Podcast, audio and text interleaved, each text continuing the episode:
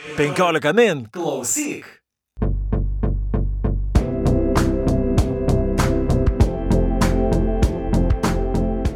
Labadiena, 15 min skaitytojai ir klausytojai ir su jumis sveikinasi laida Perskaitimai. Ir kaip visuomet mes esame jos du vedėjai, aš Audrius Ožalas. Ir aš Juratė Čerškutė.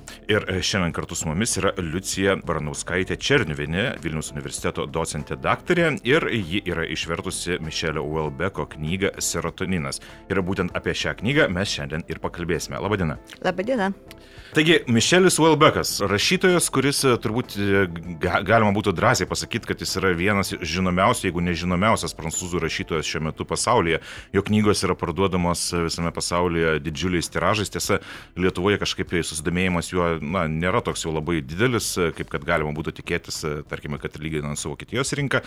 Nors kai 94 metais pasirodė pirmoji jo knyga, daugelis reagavo bent jau prancūzijos elito rašytojų gana kritiškai. Jie sakė, kad, na, štai šis rašytojas, kuris neturi net ir deramo išsilavinimo, jis rašo tokiamis skandalingomis temomis. Žodžiu, buvo pakankamai toks skeptiškas nusistatymas jo atžvilgiu, tačiau dabar matome, kas yra. Jis yra Prancūzijos garbės legiono ordino e, gavęs, gavęs žmogus, jam yra skirta Gonkūrų premija, jo knygos yra verčiamos, kaip jau minėjau, į visas pagrindinės užsienio kalbas ir e, kiekvienas jo kūrinys tampa didžiuliu įvykiu.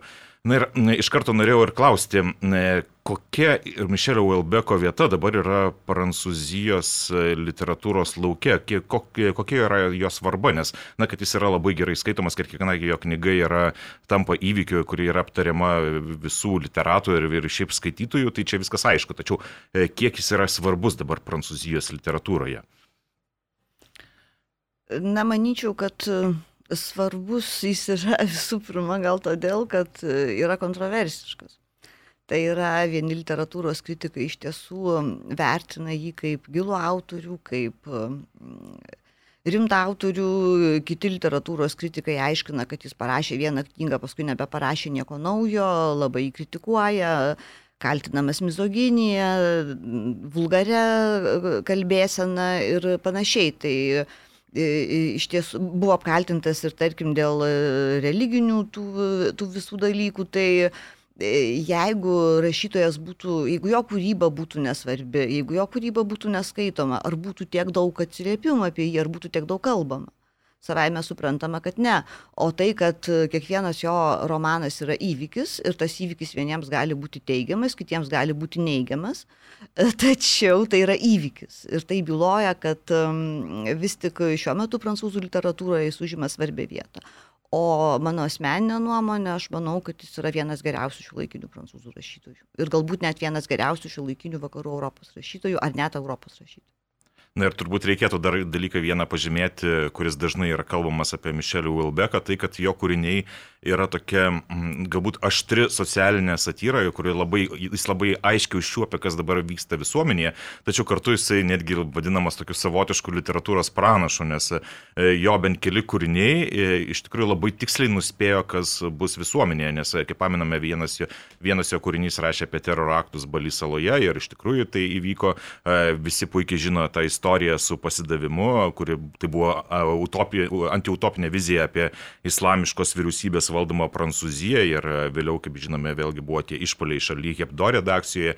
Na ir šitas serotoninas irgi e, pasakoja apie tuos įvykius, kurie irgi įvyko paskui Prancūzijoje, apie, apie tuos, tuos, tas protesto akcijas. Taigi galima sakyti, kad, na, jisai tar, tarsi galima būtų sakyti netgi, kad, kad jis kažkoks literatūrinis vizionierius. Ar, ar galima būtų tai pasakyti, ar čia jau būtų per skambus toks išsireiškimas? Aš nesu linkusi vadinti jo pranašu, nesu linkusi vadinti jo vizionierium. Aš manau, kad tiesiog tai yra autorius, kuris labai gerai užšiopia savo šalies pulsą, pasaulio pulsą. Europos pulsą. Nes jeigu, tarkim, imsim tą knygą pasidavimas ar nuolankumas, kaip ten turėtų būti nesvarbu, ta knyga išėjo pavadinimu pasidavimas, tai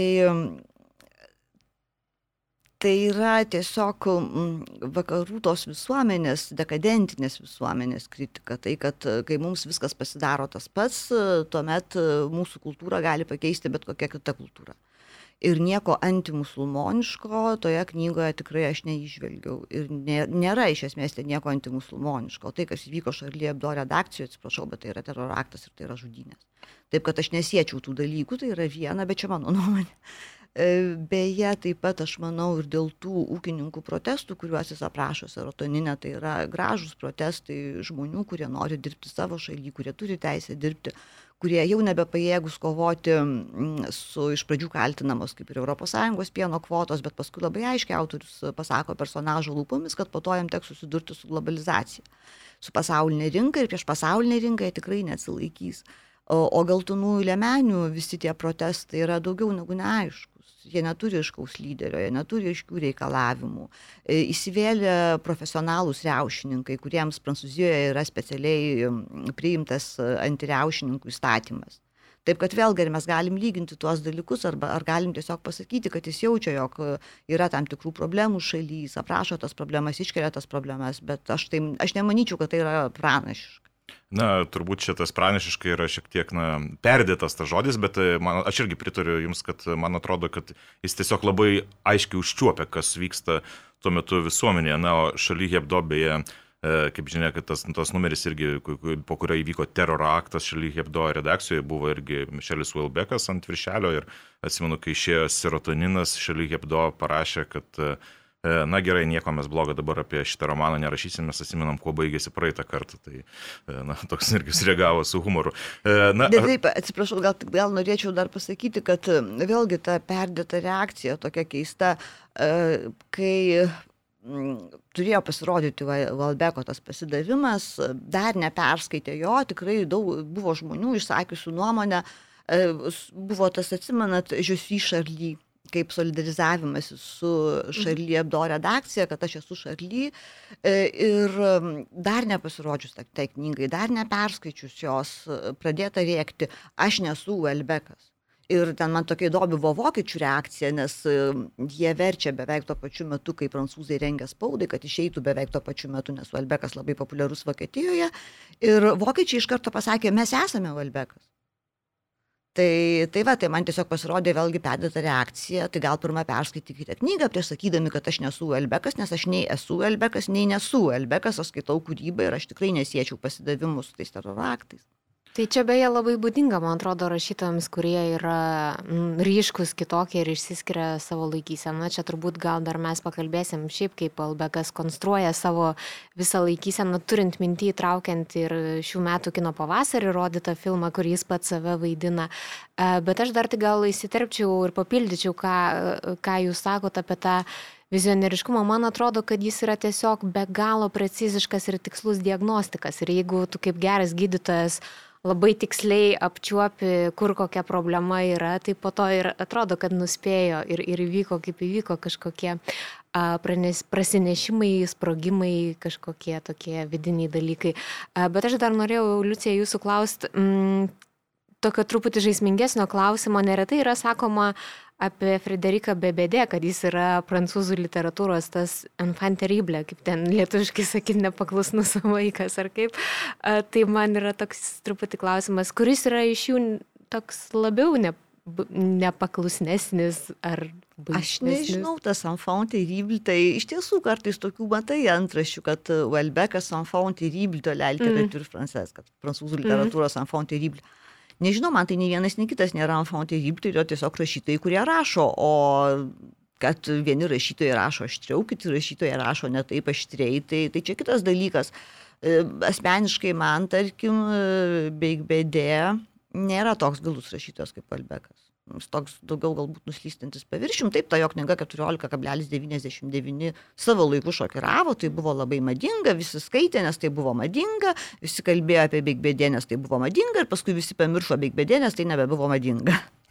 tai Uelbekas nėra iš tų autorių, kuriuos mes taip galim imti ir pamiršti. Aš paskui bandžiau skaityti Beigbėdė, skaičiau jo uh, langai į pasaulį, tarkim, ir man tai jau nebepaliko kažkokio tai didelio įspūdžio, tiesiog paskaitai, paskaitai, na, paskaičiau gerai.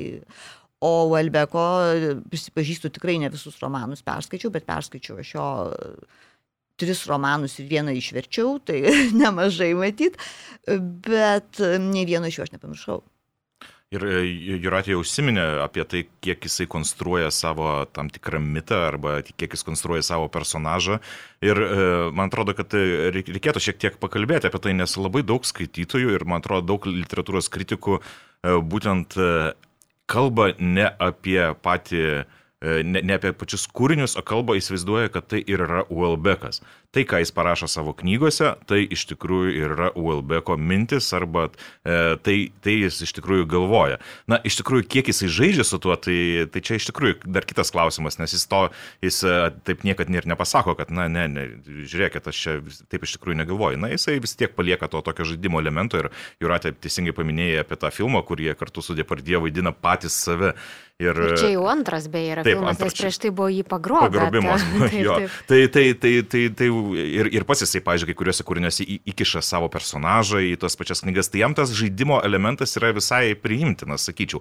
Tačiau vėlgi um, tos autofikcijos, aš, aš nežinau, galim pakalbėti iš tikrųjų, kiek, kiek jūsų nuomonė yra čia iš tikrųjų. Man tai atrodo, kad čia toks, nežinau, kaip jums atrodo, toks prancūziškas dalykas, nes šiai prancūzai savinasi, kad jie išrado šitą terminą ir net jeigu pažiūrėtume, į tos pačius e, literatūros teorijos kuriejus, tą patį Rolaną Bartą ar kokią Ellen Siksų, kur iš tikrųjų jie rašydami tekstus pina nuolat, įpina savo kažkokius biografinius faktus, kuriuos nu, nesunku yra patikrinti net ir toje pačioje Wikipedijoje. Tai man atrodo, kad jis tiesiog yra kaip ir natūraliai paveldėjęs kažkokią tradiciją. Tai kad netikėtai man į galvą šovė visai kita mintis, ne iš Prancūzijos, o iš Junktinių Amerikos valstijų. Tai Kventinas Tarantinas, kuris pasirodo beveik visose savo filmuose kažkur kažkokį ten antraplanį mm. vaidmenį, kelioms ten porai Arba minučių. Hitchcockas tas pats. Uh, tai čia taip, čia, tarkim, aš čia apie tos, tos šiuolaikinius režisierius kalbėdama, bet aš labai mėgstu Tarantiną, gal dėl to ir prisiminiau. Uh, tai be abejo, kad jis gali įpinti ir savo kažkokių ten tų gyvenimo detalių, buvo rašyta, kad tarkim dėl serotonino tie 200 tūkstančių eurų, kurie lieka pagrindiniam personažui, aš nenoriu per daug pasakoti apie mhm. siužetą, nes paskui juk skaitytojai norės skaityti, neva ir Uelbekas turi tiek, tai aš nežinau, kiek Uelbekas turi sąskaitoje, bet jeigu jis iš tiesų turi tiek, tai galbūt jis net ir čia žaidžia, jis iš tiesų, vat, arba pavadina Mišeliu savo pagrindinį veikėją ar panašiai, tai taip, bet jeigu vertintume visumą romanų, tai tas istorijas, kurias jis kūrė, personažus, kuriuos jis kūrė, tai jis kūrė stip, tokius ryškius charakterius, stiprius charakterius nebūtinai teigiamą prasme, tai nemanau, kad visi jo personažai yra jis pats. Na ir man atrodo, tie jo pasisakymai, mes jau prieš šią laidą kalbėjome šiek tiek e, apie tai, kad jie dažnai būna ištraukiami iš konteksto. Ir e, Ulbekas nebūtinai pasako būtent tą konkrečią citatą. Tarsi, jisai galbūt pasako tą konkrečią citatą, bet ji yra ištraukiama iš konteksto ir paskui vėliau yra įspraudžiama į jo lūpas. Nes, tarkime, jisai pasisako apie Europos Sąjungą, jis pasisako pakankamai, na, griežtai, jisai pasisakė už Donaldas Trumpas, jo, kiek suprantu, irgi jam yra visai neblogai, jisai yra už Brexit, nors irgi pripažįsta, kad sukėlė daug nemalonumų. Tačiau visgi tas jo pasisakymai, man atrodo, jos, na, jie nėra tokie primityvus, kaip dažnai, kad galima būtų suprasti, nes aš atsimenu, e, skaičiau vieną citatą buvo įdėta iš jo, kad Europa yra kvaila idėja, Mišelis Wilbekas. Aš nemanau, kad jisai turėjo omeny, kad būtent ES yra kvaila idėja, jis turėjo kur kas platesnį kontekstą iš tikrųjų kalbėdamas apie tai. Dėl šios jūsų konkrečios minėtos citatos, tai ne, negalėčiau pakomentuoti, nes nežinau to konteksto, bet tai, ką jūs sakote, aš visiškai su jumis sutinku. Taip iš tiesų yra paimamos citatos, jos yra paimamos be konteksto e, ir tada mes jau nebežinom, ką jis, omeny, ką jis turėjo iš tiesų omeny, nes vėl apie tą patį breksitą, serotoninė tikrai yra vienoje vietoje parašyta, kad maždaug, nu tie anglai dabar jau kaip ir nebe Europoje, nors dar ir norėtų būti Europoje, aš dabar jau tiksliai neatsimenu, bet tai... Kažkaip tam buvo prašta, čia dar buvo tie laikai, kai anglai buvo Taip, taip, taip, taip, taip, taip, taip. Tai, tai iš esmės, juk tai akivaizdu, kad jis šaiposi iš anglų, kad jie išėjo iš Europos. Tai, tai vėlgi, kaip mes tai vertinsim. E, o mm, dėl, tai kadangi mes apie tikriausiai tą pandeminę citatą kalbėsim truputį vėliau, tai tada aš galėsiu plačiau pakomentuoti, kas nutinka, kai to konteksto nelieka. E, bet, pavyzdžiui, galėčiau pasakyti apie tą jau garsę jo tikrai tokią citatą, kad islamas yra kvailiausia religija. E, ir taip tai nuskamba, va, tai baisiai, čia taip įžeidė kažką ir panašiai, bet aš paskaičiau visą jo, tą tekstuką jo ir jis akivaizdžiai sako, kad e, visų pirma tai yra aukščiausio laipsnio būdvardis kvailiausia religija. Vadinasi, kitos religijos yra kvailos. Vadinasi, mes visi turėtume įsižeisti, nes mūsų religijos yra kvailos. Be to, tam, e, tas pats tekstas su Elbeko, jis sako, Dievo nėra. Tai Dievo nėra, jis tiesiog save patikė kaip ateistą. Tai ir pats sako, kad e, laimiai e, ten tas islamas pasmerktas, nes viena vertus todėl, kad Dievo nėra ir net jei esi kvailys, galiausiai suvoki, kad toks esi.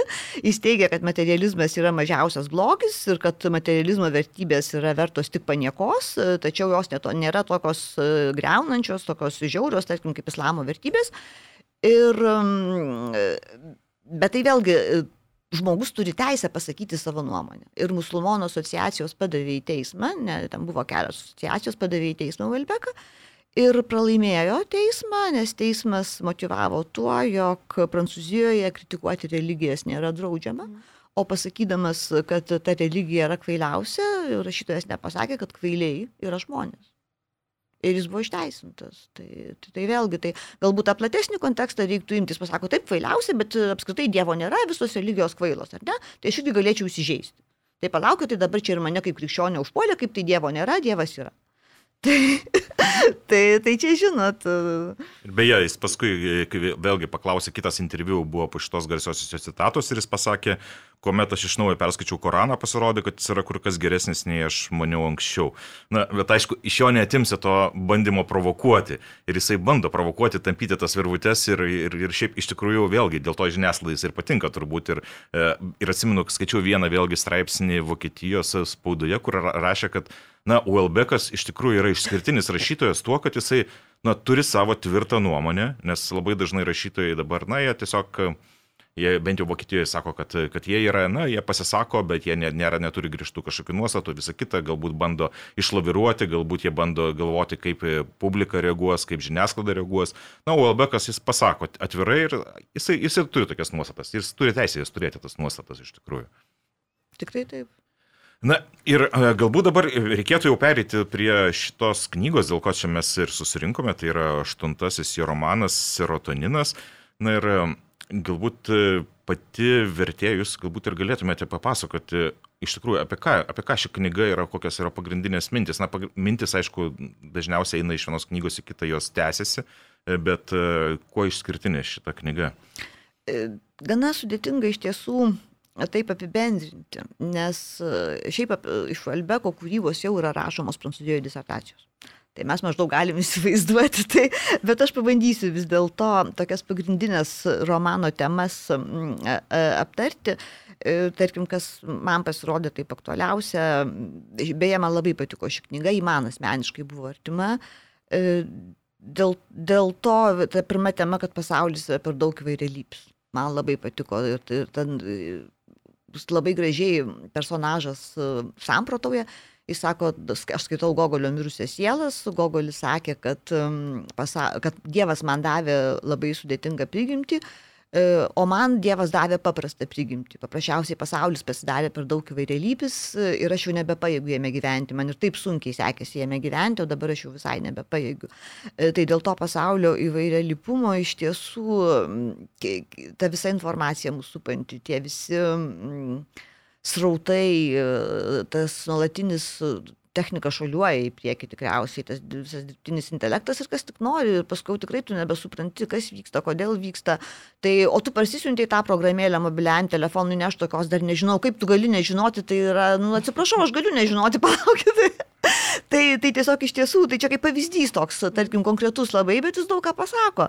Tai dėl to įvairialipumo ir su įvairialipumu susijusios taip pat yra dvi temos - yra globalizacija mm, e, ir Uelbekas kelia problemas, kas nutinka, kai mes matom tik globalizaciją, kai mes neieškom trūkumo, matom tik privalumus tuos pranašumus ir tuomet e, tiesiog pykdami, kad e, atmetama tai, kas yra mūsų savita, mūsų krašto, kuriasi stereotipai.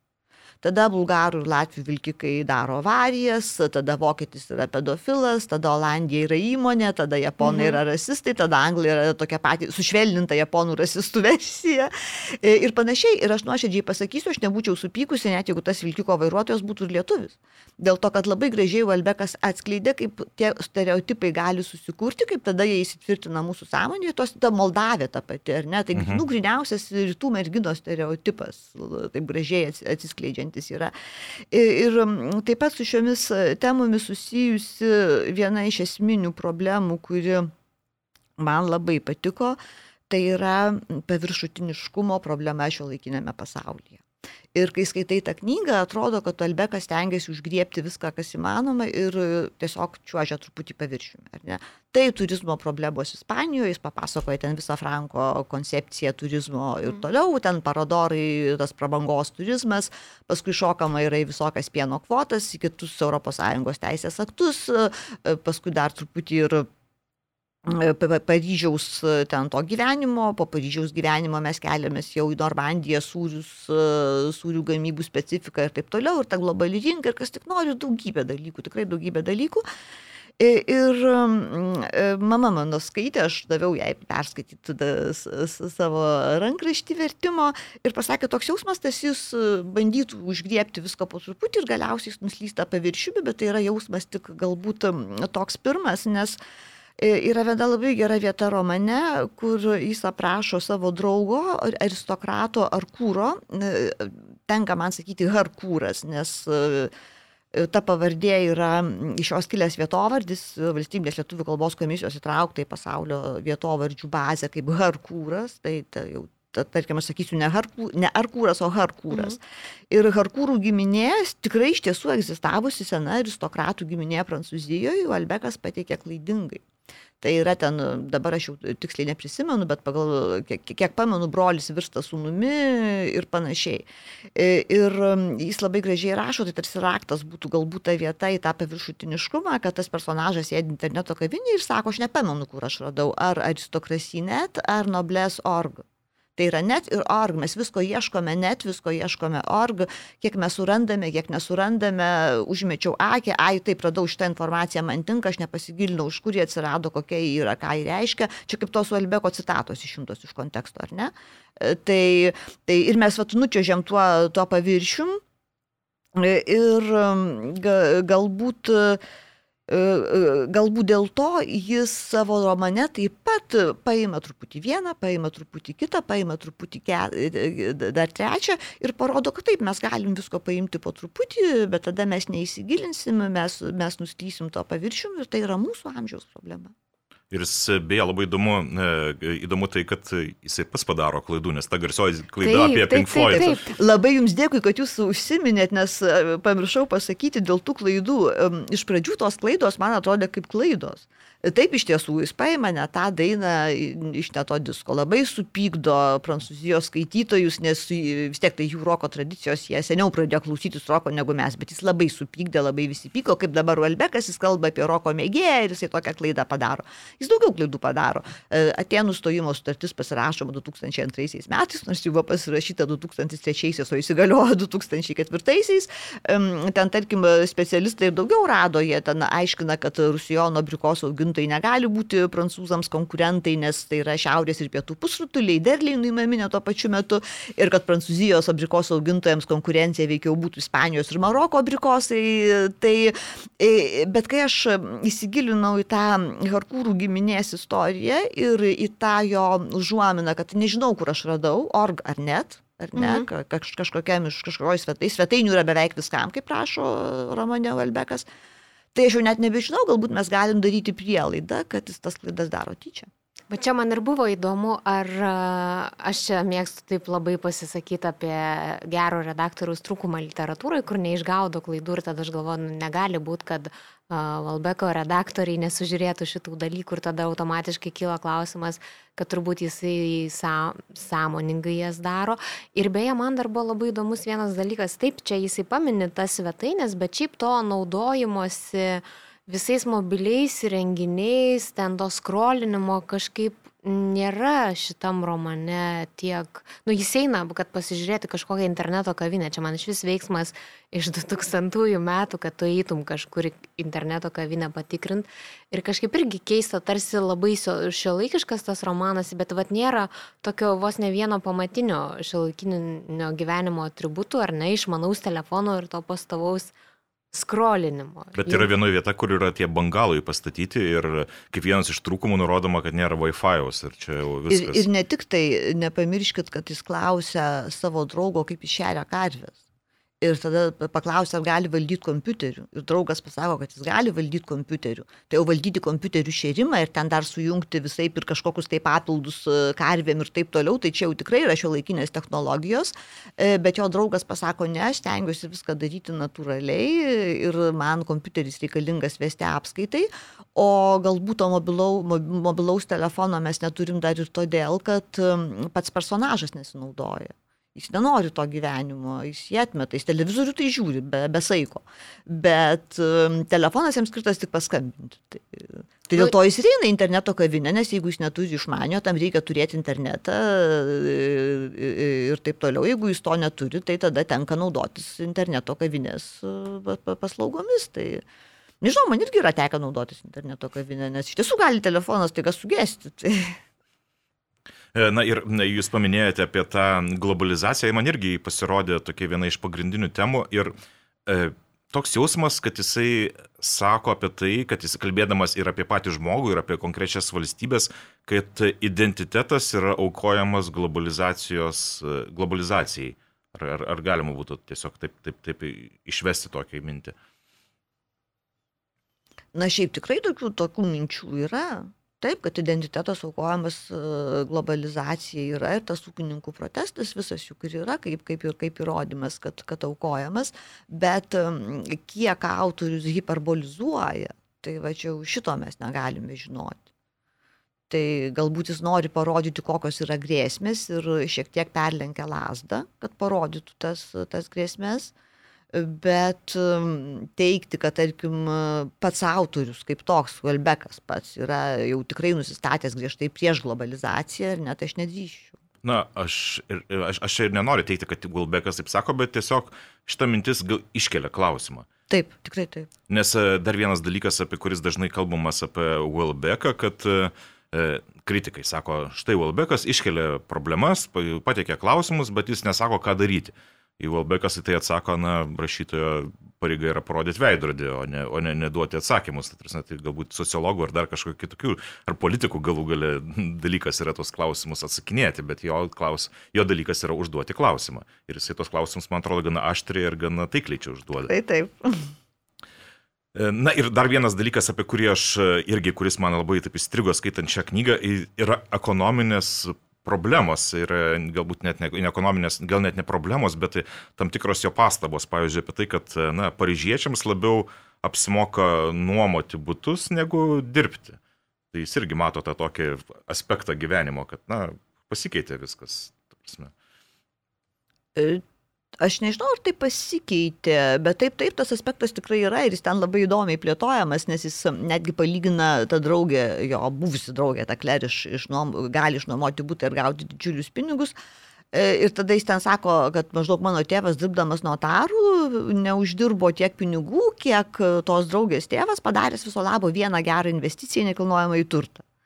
Ir jis tokią mintį išdėsto, kad e, iš esmės pinigai daro pinigus, o neužsidirbame mes tuos pinigus. E, ten jis suplėkė viską ir komunizmą, ir kapitalizmą, ir, ir, ir, ir taip toliau. Ir nu, kapitalizmui gal mažiau kliūna. E, bet kad tai būtų konkrečiai va šių laikų problema, tai aš nežinau, man atrodo, kad jinai visą laiką egzistavo, jūs taip nemanote. Nu, ta laisvos rinkos kaip tokia problema na, galbūt ir egzistavo, bet jisai tai pateikė, na, pakankamai aštriai iškyla, galbūt net ne tik, mm, ne tik tai būtent šita konkreti situacija, bet ir tas e, paveldėjimo ir uždirbimo klausimas, vėlgi galų galę tos jėgos turėjimo ir neturėjimo klausimai, man atrodo, šitoje, šitoje knygoje irgi šiek tiek, na, paliečiamos šitos temos.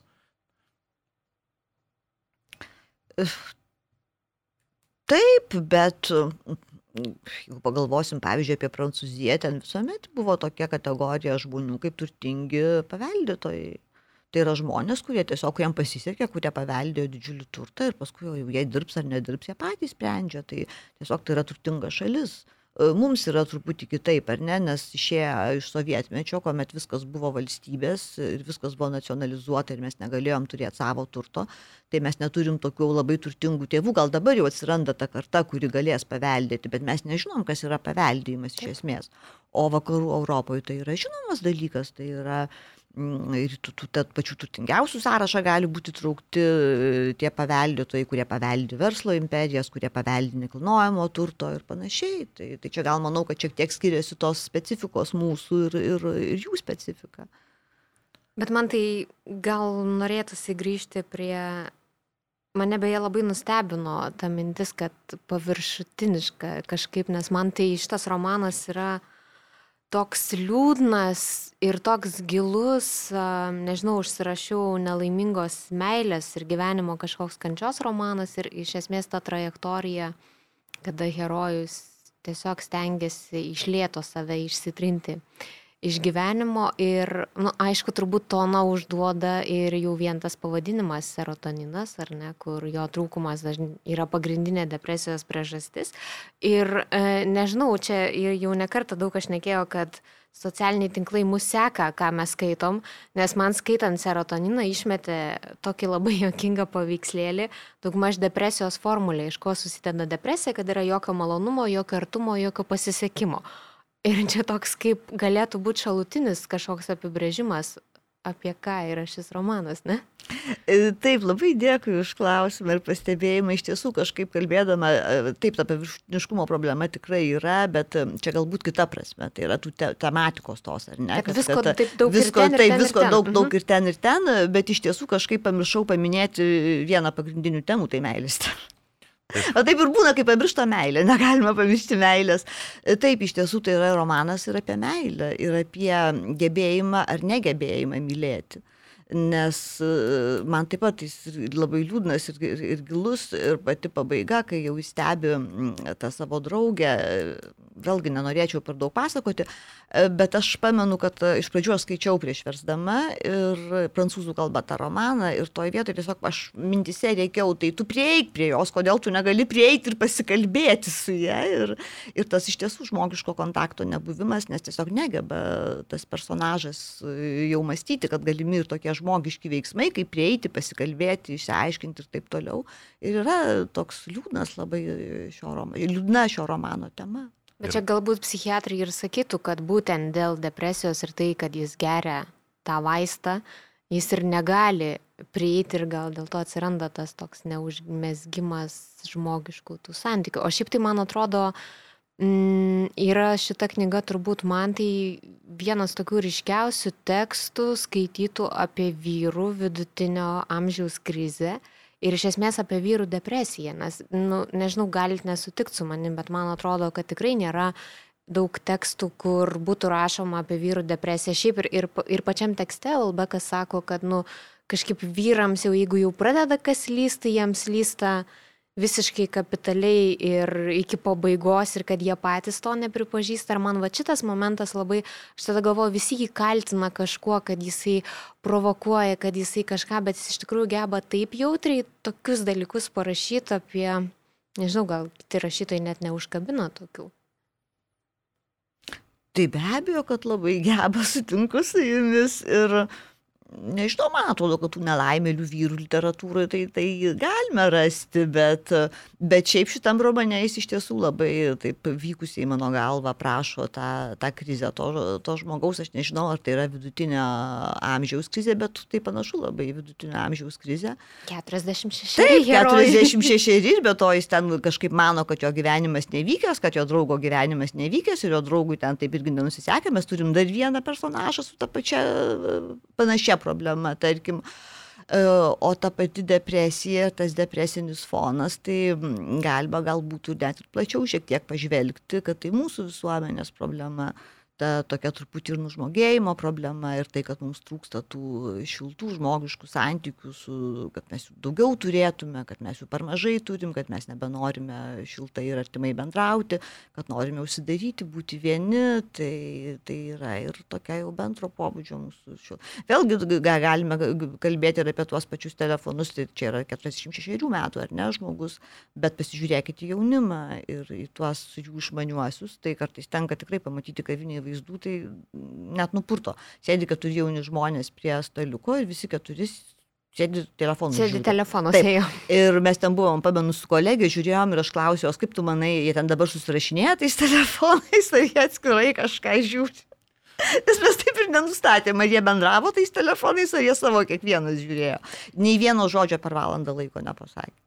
Bet aš irgi čia norėjau įsiterpti, man irgi šita knyga visų pirma yra apie na, gyvenimo neišnaudojimą, galbūt irgi galima būtų tai pasakyti, nes kuris aprašo savo tuos santykius su moterimis ir jisai mato ir jisai tiesiog diagnozuoja visas savo padarytas klaidas ir po to jisai, na, ir labai jautriai irgi parašoma tai, kaip jisai, kodėl aš tai padariau. Taigi, tai aš buvau laimingas galbūt tuo, tuo metu. Ir arba, pažiūrėjau, jisai stebisi štai, žiūri tą nuotrauką buvusios draugės ir sako, negi, negi jinai galėjo būti laiminga dėl manęs. Ir jam netgi tai sunku tai suprasti, kad iš tikrųjų žmogus uh, na, gali jausti šilumą, gali įsidžiaugtis juo pačiu ir tas rodo tą tokį žmogaus galbūt, na, pasimetimą emocinį ir, ir, ir, ir, ir nebesupratimą, kad, kad, kad, jis, kad jis gali būti brangus kažkam.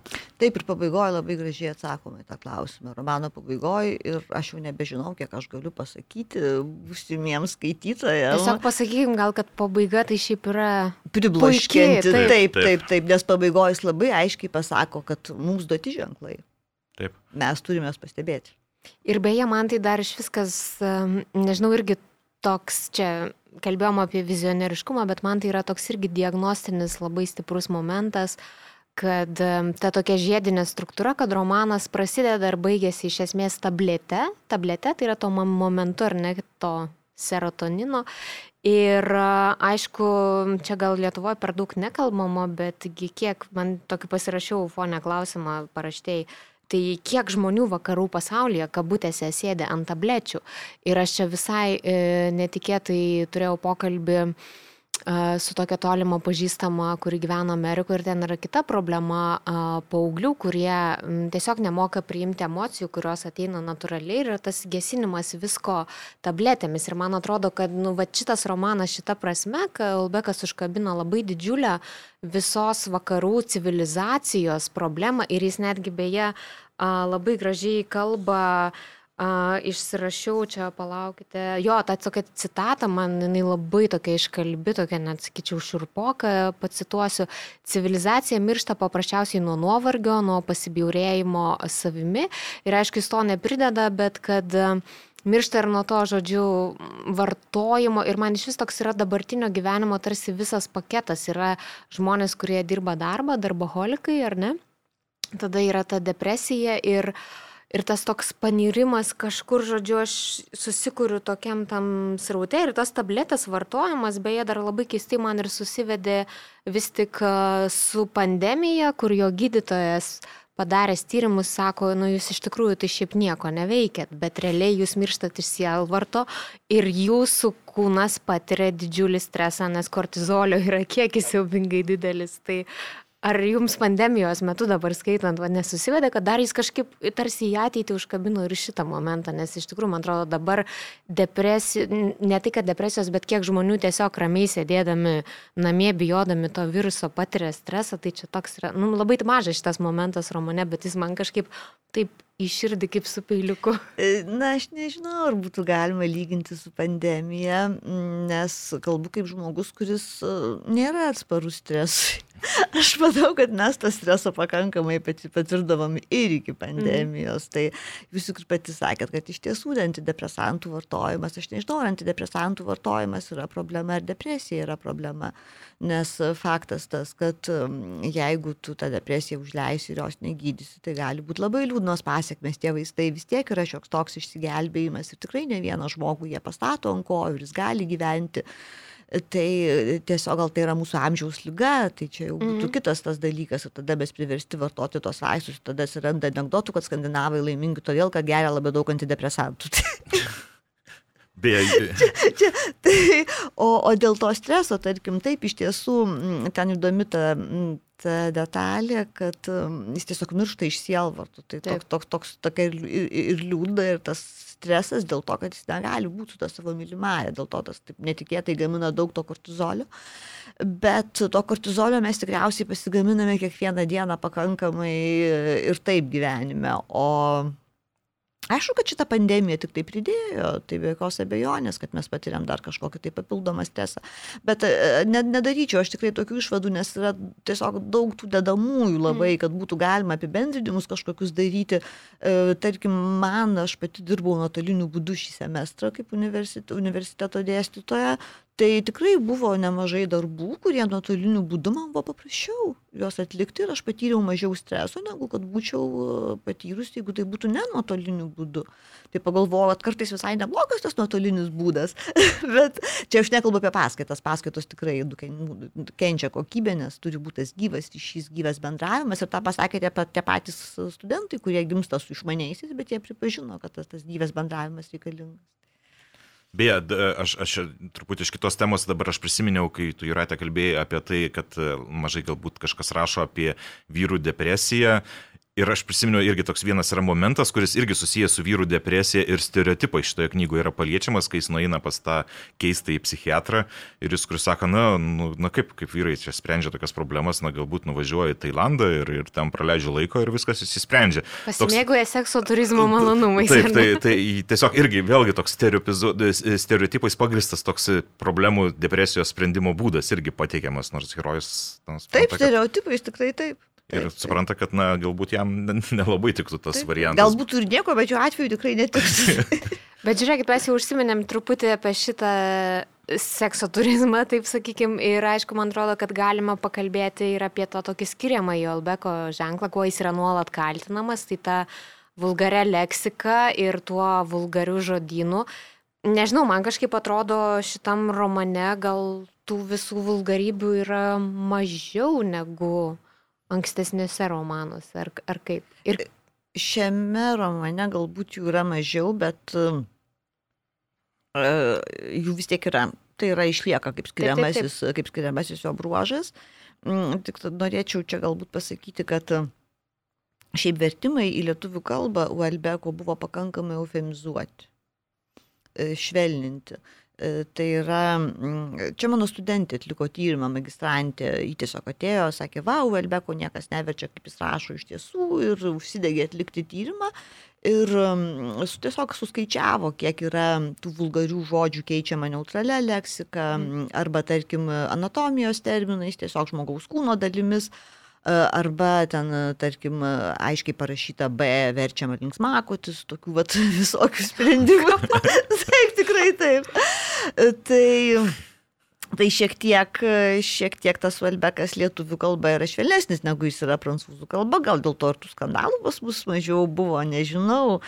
Bet taip, vulgarios leksikos truputį yra mažiau, bet jos yra ir aš jau stengiausi ją versti tokią, kokia yra, kad leidžia man skaitytojas iš dienos žodžių neišmesti.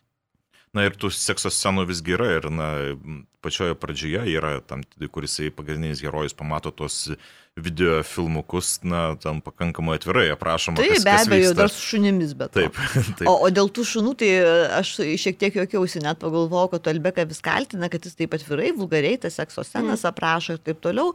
Tai vėlgi galbūt jis taip labai gražiai provokuoja, a, jūs mane kaltinat, kad aš aprašinėjau vulgariai sekso scenas, gerai, prašau, aš jums dar ir su šunim sekso scenas aprašysiu. Bet jis tą beje netideda į tekstą, kur sako, aš turbūt būsiu apkaltintas dėl savo vulgarumo, ten buvo toks labai Nepamenu, toks mažiukas būti. ir aš tada galvoju, o tai jisai žodžiu, sužaidžia su tuo.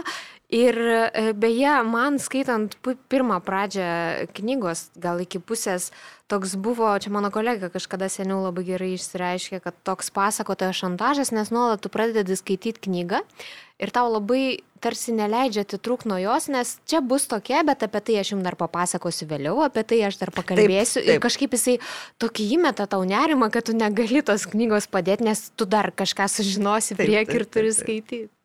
Nors viena literatūros kritikė Prancūzijoje apkaltino, kad jis visai per daug kartoja tokių dalykų, bet man tai neužkliuvo, tai kaip tik tai intriguoja skaitytoje dėl to, kad tu, tu vis galvoji, o tai kas čia bus toliau, tai kas čia bus toliau. Na beje, irgi mes jau kalbėjome šiek tiek apie tai, kad kai kas kaltina jį tuo, kad jisai kartojasi. E, Aš tai nemanau iš tikrųjų, kad kartojasi, tačiau kaip tam tikrus bendrus elementus jo visiems kūriniams na, galima rasti. Tas, paties, tas pats 46 metų vyras, e, kankinamas depresijos, e, praradęs viltį ir šiek tiek, na, ne- gal net ne šiek tiek, pakankamai mizantrodiškai nusiteikęs, jisai panašus personažas yra daugelį jo romanų. Tikrai taip. Ir, e, ir jisai būtent tokį renkasi ir, ir, ir netgi visi literatūros kritikai, kurie e, pradeda rašyti recenzijas, dažniausiai nuo to pradeda, na štai vėl Wellbeckas ir vėl, kaip ir įprasta, vėl pagrindinis personažas, e, vidutinio amžiaus vyras, e, kuris kamuojamas tokių, tokių, tokių Taip, bet, problemų. bet tiesiog niekas nepamasto, atsiprašau, gal aš pertraukiu. Ne, tai, tai viskas tvarkoja, aš norė- norėjau ir, ir, ir Ne, paklausti, bet, kad... bet, ne, bet niekas, niekas nepagalvoja, kad istorijos tai skirtingos. Taip. E, Tarkim, elementariosios dalelės, ar ne, ten irgi tokie vidutinio amžiaus vyrai, du, e, irgi ne pačios geriausios dvasinės būsenos, ar ne, bet tai yra visai kita istorija, tai yra istorija apie brolius, kurie nepatyrė motinos meilės, kurie yra traumuoti to, kad jie nepatyrė motinos meilės ir kaip e, skirtingai tos traumos paskui atliepia jų gyvenimus. Tai yra vienas visiškai ištvirkęs, neranda savo vietos, e, kitas e, nesugeba mylėti, nesugeba mylėtis. E, Tai čia viena, serotoninė mes jau matom visai kitą problematiką, dar kita problematika yra salos galimybėje, tai ten e, salos galimybė, tas jaunystės kultas labai išplėtojamas, irgi ten juk tas vyras iš paskutinių to savo jaunos meilužės vaikosi ir, ir, ne, ir nebegali jau susigražinti jos, taip kad e, taip, galbūt tie personažai panašumo turi savo amžiumi, savo lytimi, savo dvasinę būseną, bet romanuose pasakojamos istorijos yra visiškai skirtingos. Ir lygiai taip pat irgi kalbama, kad yra santykiai su tėvais, bet ir vėlgi santykiai su tėvais irgi be abejo yra labai svarbi tema jam, bet e, vėlgi labai smarkiai skiriasi tie patys Taip. tėvai. Ir e, šioje knygoje beje irgi tas tėvų portretas, e, na čia turbūt irgi per daug ne- neišduosiu, nes pakankamai greitai tai vyksta, kad nusižudo, bet jis yra toks jautrus, nes kad jie, Idealizuotas, tikra idealizuotas, kad prasme, jie, jie taip. nu- nu- nusižudė ir jie norėjo likti susikibę rankomis, nusižudė. taip. Ir tai yra visiška priešingybė tam, kurim, kaip mes matome dabar, pagrindinį personažą, kuris na, neturi visų pirma su kuo susikiptomis rankomis ir jis Taip. net neįsivaizduoja, kaip tai galima būtų padaryti. Taip. Ir atkreipkite dėmesį, ir Kamilės, jo draugės tėvai lygiai taip pat yra ideali pora.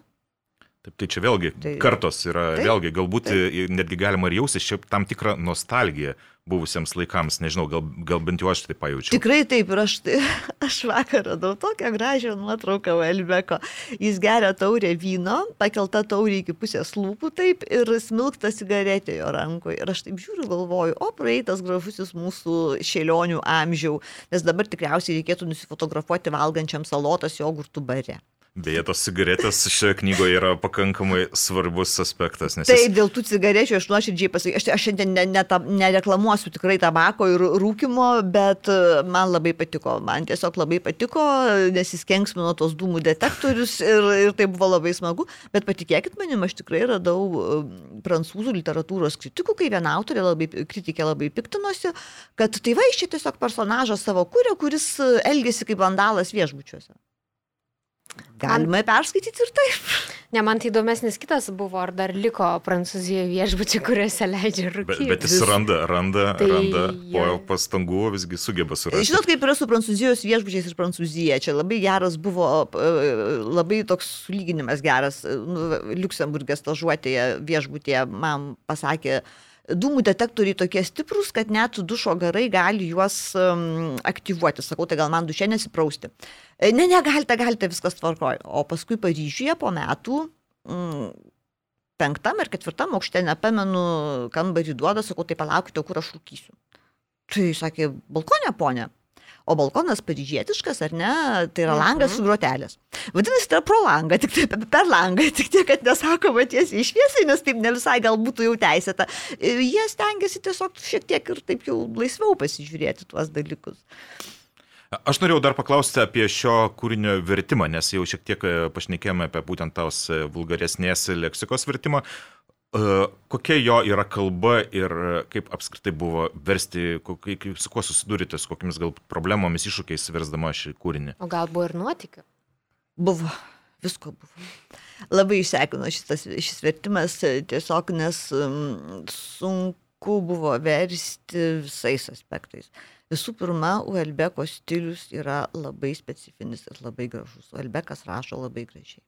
Ir išversti, bet perteikti tą jo kalbėjimo būdą jau yra problema. Tai yra turi apmastyti, kaip tai padaryti Taip, tai toliau dėl tos vulgarios leksikos e, vėlgi turi pajusti, kada jis vartoja čia mm, tą, tą, tą patį žodį kaip saliop, pavyzdžiui, vienur tikrai yra kekšė, kitur tikrai turi ieškoti stipresnio atitikmens tam žodžiu, tai, tai kitas aspektas.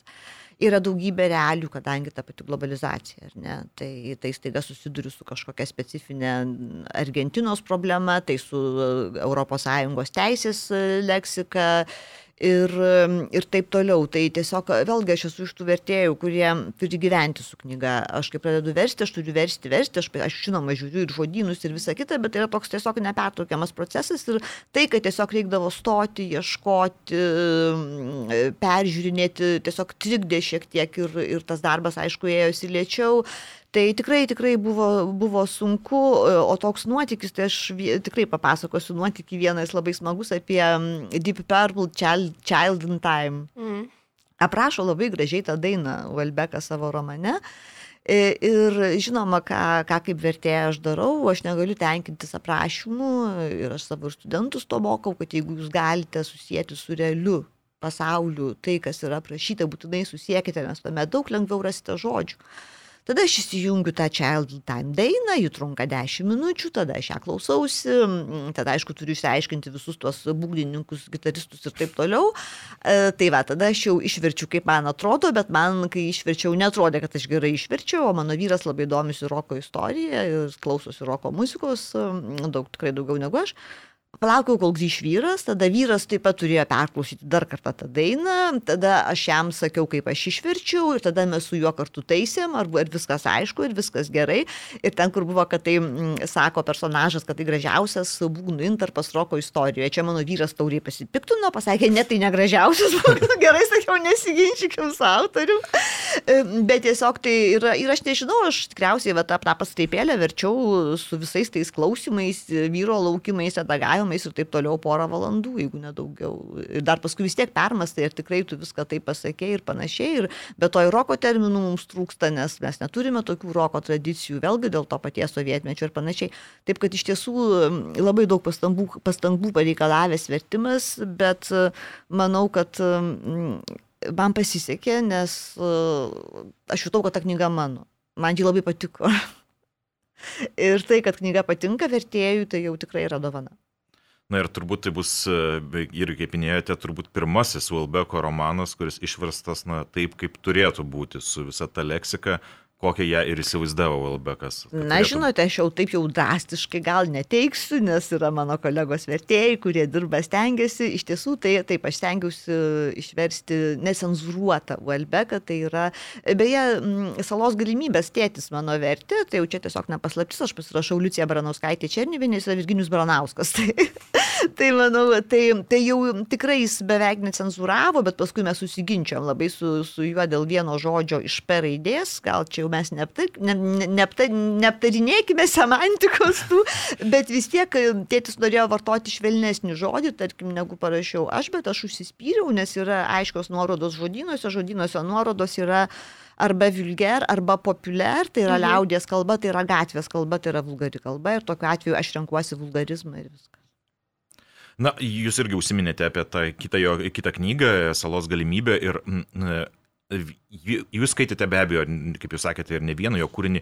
Jeigu reikėtų palyginti su kitomis knygomis, nes, pavyzdžiui, salos galimybė bent jau man yra turbūt viena didžiausių įspūdžių palikęs jo kūrinys, kaip, kaip, kaip galėtumėte įvesti šią knygą į jo kontekstą kitų kūrinių?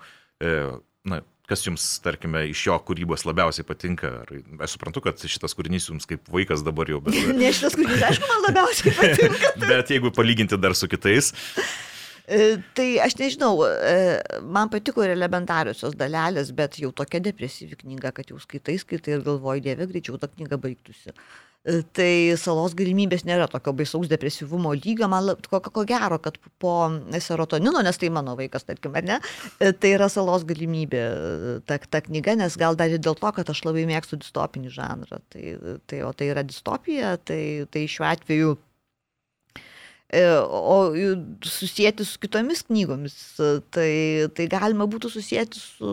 Ar, ar, gal aš klausimą netaip supratau? Aš, Na, ta prasme, Su kitomis Olbeko? Ulbeko, taip.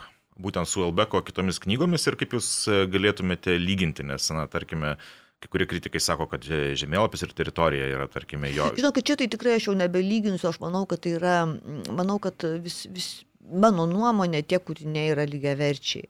O jau tai, kas mums asmeniškai patinka, kiekvienam, tai jau yra mūsų tikrai, kaip skaitytojų, su mūsų patirtimi skaitimo, kiek, kiekvieno mūsų asmeninės, asmeninės patirtis ir asmeninis supratimas. Tarkim, pavyzdžiui, kai- kaip pavyzdį galėčiau pateikti Salmaną Raždį. Aš labai mėgstu, man labai patinka Salmanas Raždis ir perskaičiau visas lietuvių kalbą išverstas jo knygas ir man labiausiai patinka gėda. Gėda būtent. ar Ne vidurnakčio vaikai, ne šetoniškos eilės, o gėda. Nes tai yra mano knyga ir tiesiog man sunku pasakyti, aš tiksliau aš galiu pasakyti kodėl, bet tai čia galbūt ne vieta ir ne laikas, bet tiesiog tai iš, dėl mano asmeninių patirčių, dėl mano, dėl, dėl mano skonio galų gale, dėl, dėl visų kitų dalykų, tai aš tiesiog nedyšiau lyginti. Manau, kad kiekvienas iš mūsų pasirenkame, kas mums artimiausia yra iš Valbeko. Ir tikrai žinau, kad yra žmonių, kuriems salos galimybė yra geriausia Valbeko knyga. Tačiau kiti galbūt pasakys, kad žemėlapis ir teritorija yra stipriausia jo knyga. Tarkim, man serotoninas yra mano kūdikis, aš tada sakysiu, ne, ne, palaukit, serotoninas yra geriausia knyga. Na ir be abejo, dar kritikai labai visai skirtingai vertina ir aš atsimenu net kai kurias yra teorijos, netgi tokios e, galbūt vos nesamokslo teorijos kūriamos, nes atsimenu, kai išėjo žemėlapis ir teritorija ir kai gavo Gonkūrų premiją už e, šią knygą, Wellbeckas netgi buvo pasirodę versijų, kad, na, Wellbeckas specialiai parašė tokią knygą, kuri yra mažiau vulgari, kurioje paliečiamos ir rimtesnės temos, nes kalbama ten ar architektūra ir ten visa kita, kad jisai suprato, kad, na, jeigu vėl pa- parašys savo tą tokį kaip elementariosios dalelės, turbūt negaus, bet štai dabar parašė tokią, specialiai, kad gautų konkurų premiją. Aišku, skaitant iš šono ir dabar iš laiko perspektyvos atrodo, na, jokingos tokios versijos, tačiau vėlgi čia tik tai bandant suprasti, kaip yra vertinama jo kūryba labai skirtingai. Bet labai man susiveda ir su knygos, beje, literatūriniais intertekstais, nes pačioje pabaigoje e, truputėlį aš taip aišku ironiškai pagalvojau, skaitydama, kad, va, prašau, Valbekas nori save įsirašyti greta Tomo Mano ir Marcelio Prusto, bet iš tikrųjų yra tam tikrų dalykų, nes jisai kalba apie Tomo Mano užburtą kalną, kur iš esmės kaip yra epochos liūdimas iki antro pasaulinio karo. Ir Marcelio Prusto prarastas laikas irgi yra to praėjusio ar ne, kai buvo XIX amžius tas, e, neištarsiu taip gerai prancūziškai, amžiaus pabaigos, šitas visas judėjimas ir kaip pirmasis pasaulinis karas viską nukirto ir, ir man kažkaip aš pagalvojau, kad turbūt po kurio laiko, va, tarkim, serotoninas bus ta knyga apie nežinau, 20, 20 amžiaus pabaigos, 21 amžiaus pradžios kažkokie emociniai gyvenimą ir taip ten yra, aišku, ES ir visi šitie dalykai, bet man tai šita knyga yra toks emocinis epochos liūdimas, kurioje Taip. mes gyvenam. Taip, taip ir emocinis epochos liūdimas, bet galų gale ir aš manau yra ir universalūs dalykai. Juk žiūrėkit, tai, kad yra serotoninas, depresija, tai, kad nelaimingi žmonės. E, Hekslio puikus naujas pasaulis yra parašyta 1931-aisiais ir ten visi geria tas laimės tabletės, kad galėtų jaustis laimingi, tai jau beveik šimtas metų prabėgo. E, Tai tarkim tai, kad vidutinybių tas triumfas prieš individualumą, tai čia apie kokarą su salamandromis 1936 metais parašyta. Tai aš manau, kad ten yra pakankamai universalių dalykų, kur tai bus ir mūsų epochos veidrodis, tai taip pat yra labai svarbu, bet aš manau, kad tai yra, tai yra ir tokios temos, kurios mus, mus lydi nuolatos kaip žmonės. Ir aš prisiminiau, dar užsirašiau čia tokį vieną citatą, amžinatelis Leonidas Donskis, kuris irgi labai dažnai remdavosi Uelbeku ir labai vertina šitą rašytoją kaip e, tam tikrą e, epochos apibūdintoją. E, tai jis be abejo rašė apie kitas jo knygas, e, bet štai jo citata. Mišelis Uelbekas savo romanuose mini dar globalią populiariąją kultūrą su visu jos paketu - jaunystė, sekso, smurto, neįsipareigojimo, atsajos ir hedonizmo kultų, sikiu ir panieka senatvį, lygoms, negaliai, skurdui, nesprabumui, nesėkmė ir mirčiai. Na ir Iš esmės, galbūt šitoje knygoje, kaip mes ir kalbėjome, temų yra daugiau, tačiau vėlgi, jeigu imti apibendrinti visus tuos aštuonis romanus, tai man atrodo, visa šita, šitas visas paketas labai ryškiai atsiskleidžia iš tikrųjų. Taip, taip. Na ir man atrodo, kad reikėtų dar pašnekėti dar apie vieną dalyką. Yra ten reikia kažkas. Aš tiesiog noriu sakyti, kad mes užsiminėm apie pandemijos citatą ir dar neprieėm prie jos. E, jo, bet aš dar norėjau vieną labai trumpai dar pasakyti dalyką, dėl kurio e, žmonės vėlgi mėgsta dažnai Welbecką, tai yra jo uh, humoro jausmas. Būtent. Cinizmas ir tas jo humoras, aišku, jis toks niurus, toks laidotuvių humoras, ar ne? Toks nėra toks jau labai jau linksmas, kad kvatuotumėsi e, pilna gerklių, bet iš tikrųjų... Bet vis tiek jokiesi. Vis tiek jokiesi, tai šitoje knygoje irgi to humoro. Yra, yra, yra. Kažkaip dabar į galvą mane šauna, tikrai aš prisimenu, kad aš juokiausi ir ne vieną kartą, bet dabar tiesiog nepasakysiu jums taip greitai, tai taip, kas per mane labai prajuokino, bet tikrai buvo, tikrai, tikrai buvo. Ir man atrodo, jis tas rašytojas, kuris, e, kaip jau ir, kaip jau ir kalbėjome, kad skaitydamas ir labai nuliusti, ypač knygos pabaigoje, bet kartu ir skaitydamas, na, toks gana linksmas poteris iš tikrųjų. Prasme, Welbeckas sugeba tai kažkaip labai žaviai suderinti iš tikrųjų. Taip, taip, ir apskritai, kaip jau minėjau, tas jo stilius toks yra labai gražus. Uh, E, jis sugeba nepaprastai žaisti registrais. Vienam sakinys taiga atsiranda kažkokia jau seniai nebevartojama gramatinė forma, tarkim, dar tikrai klasikinės ten standario Balzako laikų, tam pačiam sakinys taiga vulgarybė. Ir va, tarkim, aš pamenu, kad teko man, te, tam, jis, dar plus su temom tą patį sieja, ir vienoje vietoje jis ten kalba, kad jeigu tai būtų toks filmas, tai būtų taip, jeigu tai apie sceną vieną, jeigu tai mm. tai būtų kitoks filmas, tai būtų taip. Ir man teko versti tiesie, tai pornografinis filmas. Ir kodėl aš taiga pasirenku tokią keistą formą, vietoj jeigu tai būtų buvęs pornografinis filmas, aš parašau, parašau tiesietai pornografinis filmas. Dėl to, kad toj vietoje Elbekas pavartoja tokią perfedijos subžunktyv, kuris jau tikrai beveik nebevartojamas šio laikiniai literatūrai, negana to jis pavartoja ne visai taisyklingai ir apie tai buvo rašoma ir buvo netgi šiek tiek užsiminta. Tai aš taip pat ieškau kažkokios senesnės mūsų formos, nes manau, kad ir tą reikėtų perteikti, parodyti skaitytojui. Tai tas jo gebėjimas e, žaisti registrais, jis kartais ir sukuria tą, tą humorą, humorą būtent e, ir, ir jį taip pat e, svarbu perteikti, nes žaidžiant registrais mes galime iš tiesų ga, galima sukurti labai gražių tekstų. Na ir galbūt dabar jau reikėtų apie tą pandemiją pakalbėti, nes, na, Welbeckas, kaip žinia, jisai nepraleido progos pakalbėti ir apie pandemiją ir labai bent jau E, dažniausiai vertimuose pasirodė tik tai vienas kitas sakinys iš to pasakymo, kad pasaulis liks toks toks poks, kaip buvo, galbūt šiek tiek blogesnis. Ir visi pasakė, na štai Welbeckas savo įprastinėje rolėje, pesimistas, viskas bus tik blogiau. Aš jam šiaip labai pritariu. Aš irgi.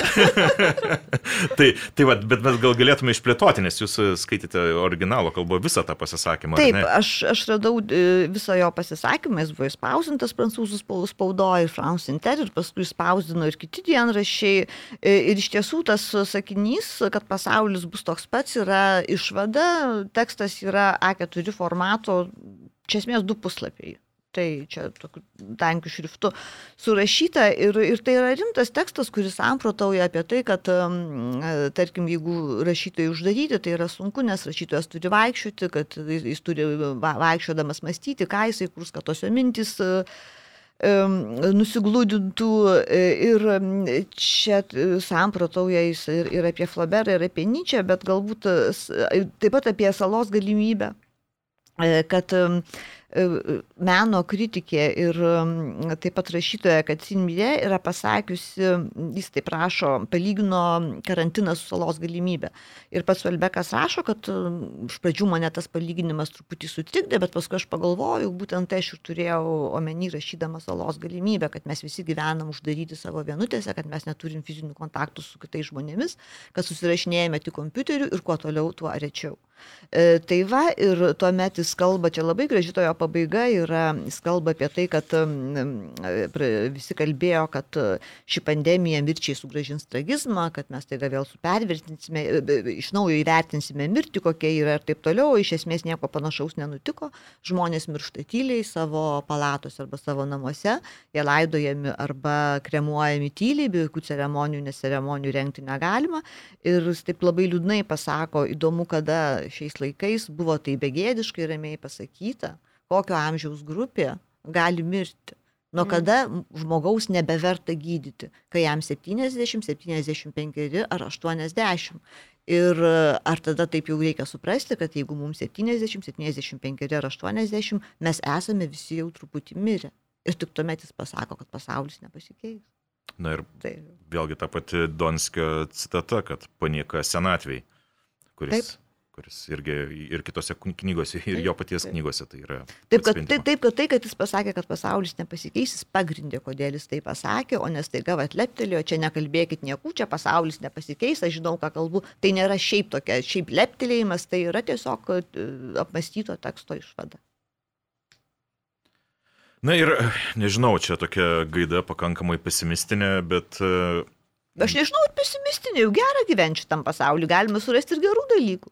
Galima surasti. Ir bet... net herojus kažkaip, man regis, Taip. vis tiek galiausiai lieka. Bent jau serotonino kamilė tikrai rasdavo gerų dalykų.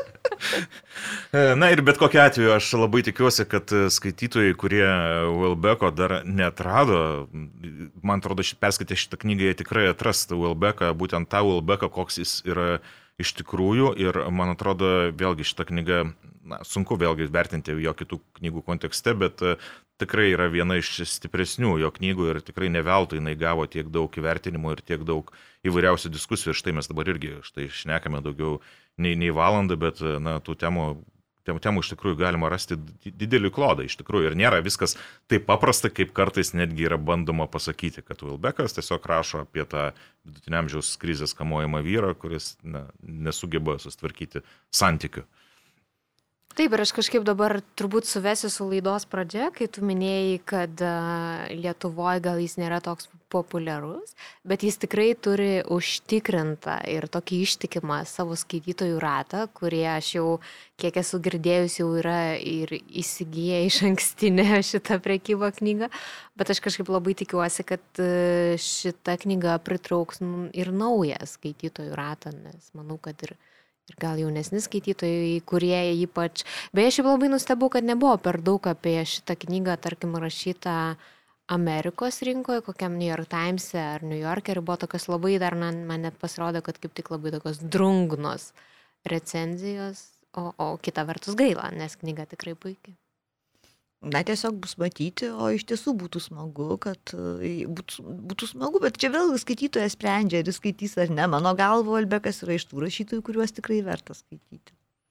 Na ir kągi, dėkui tada mūsų laidoje šį kartą viešėjusiai Liucijai Barnuskaitį Černiviniai, Vilnius universiteto docentiai dakteriai šios knygos, šios tikrai puikios Mišelio Uelbeko knygos Serotoninas vertėjai. Dėkui Jums.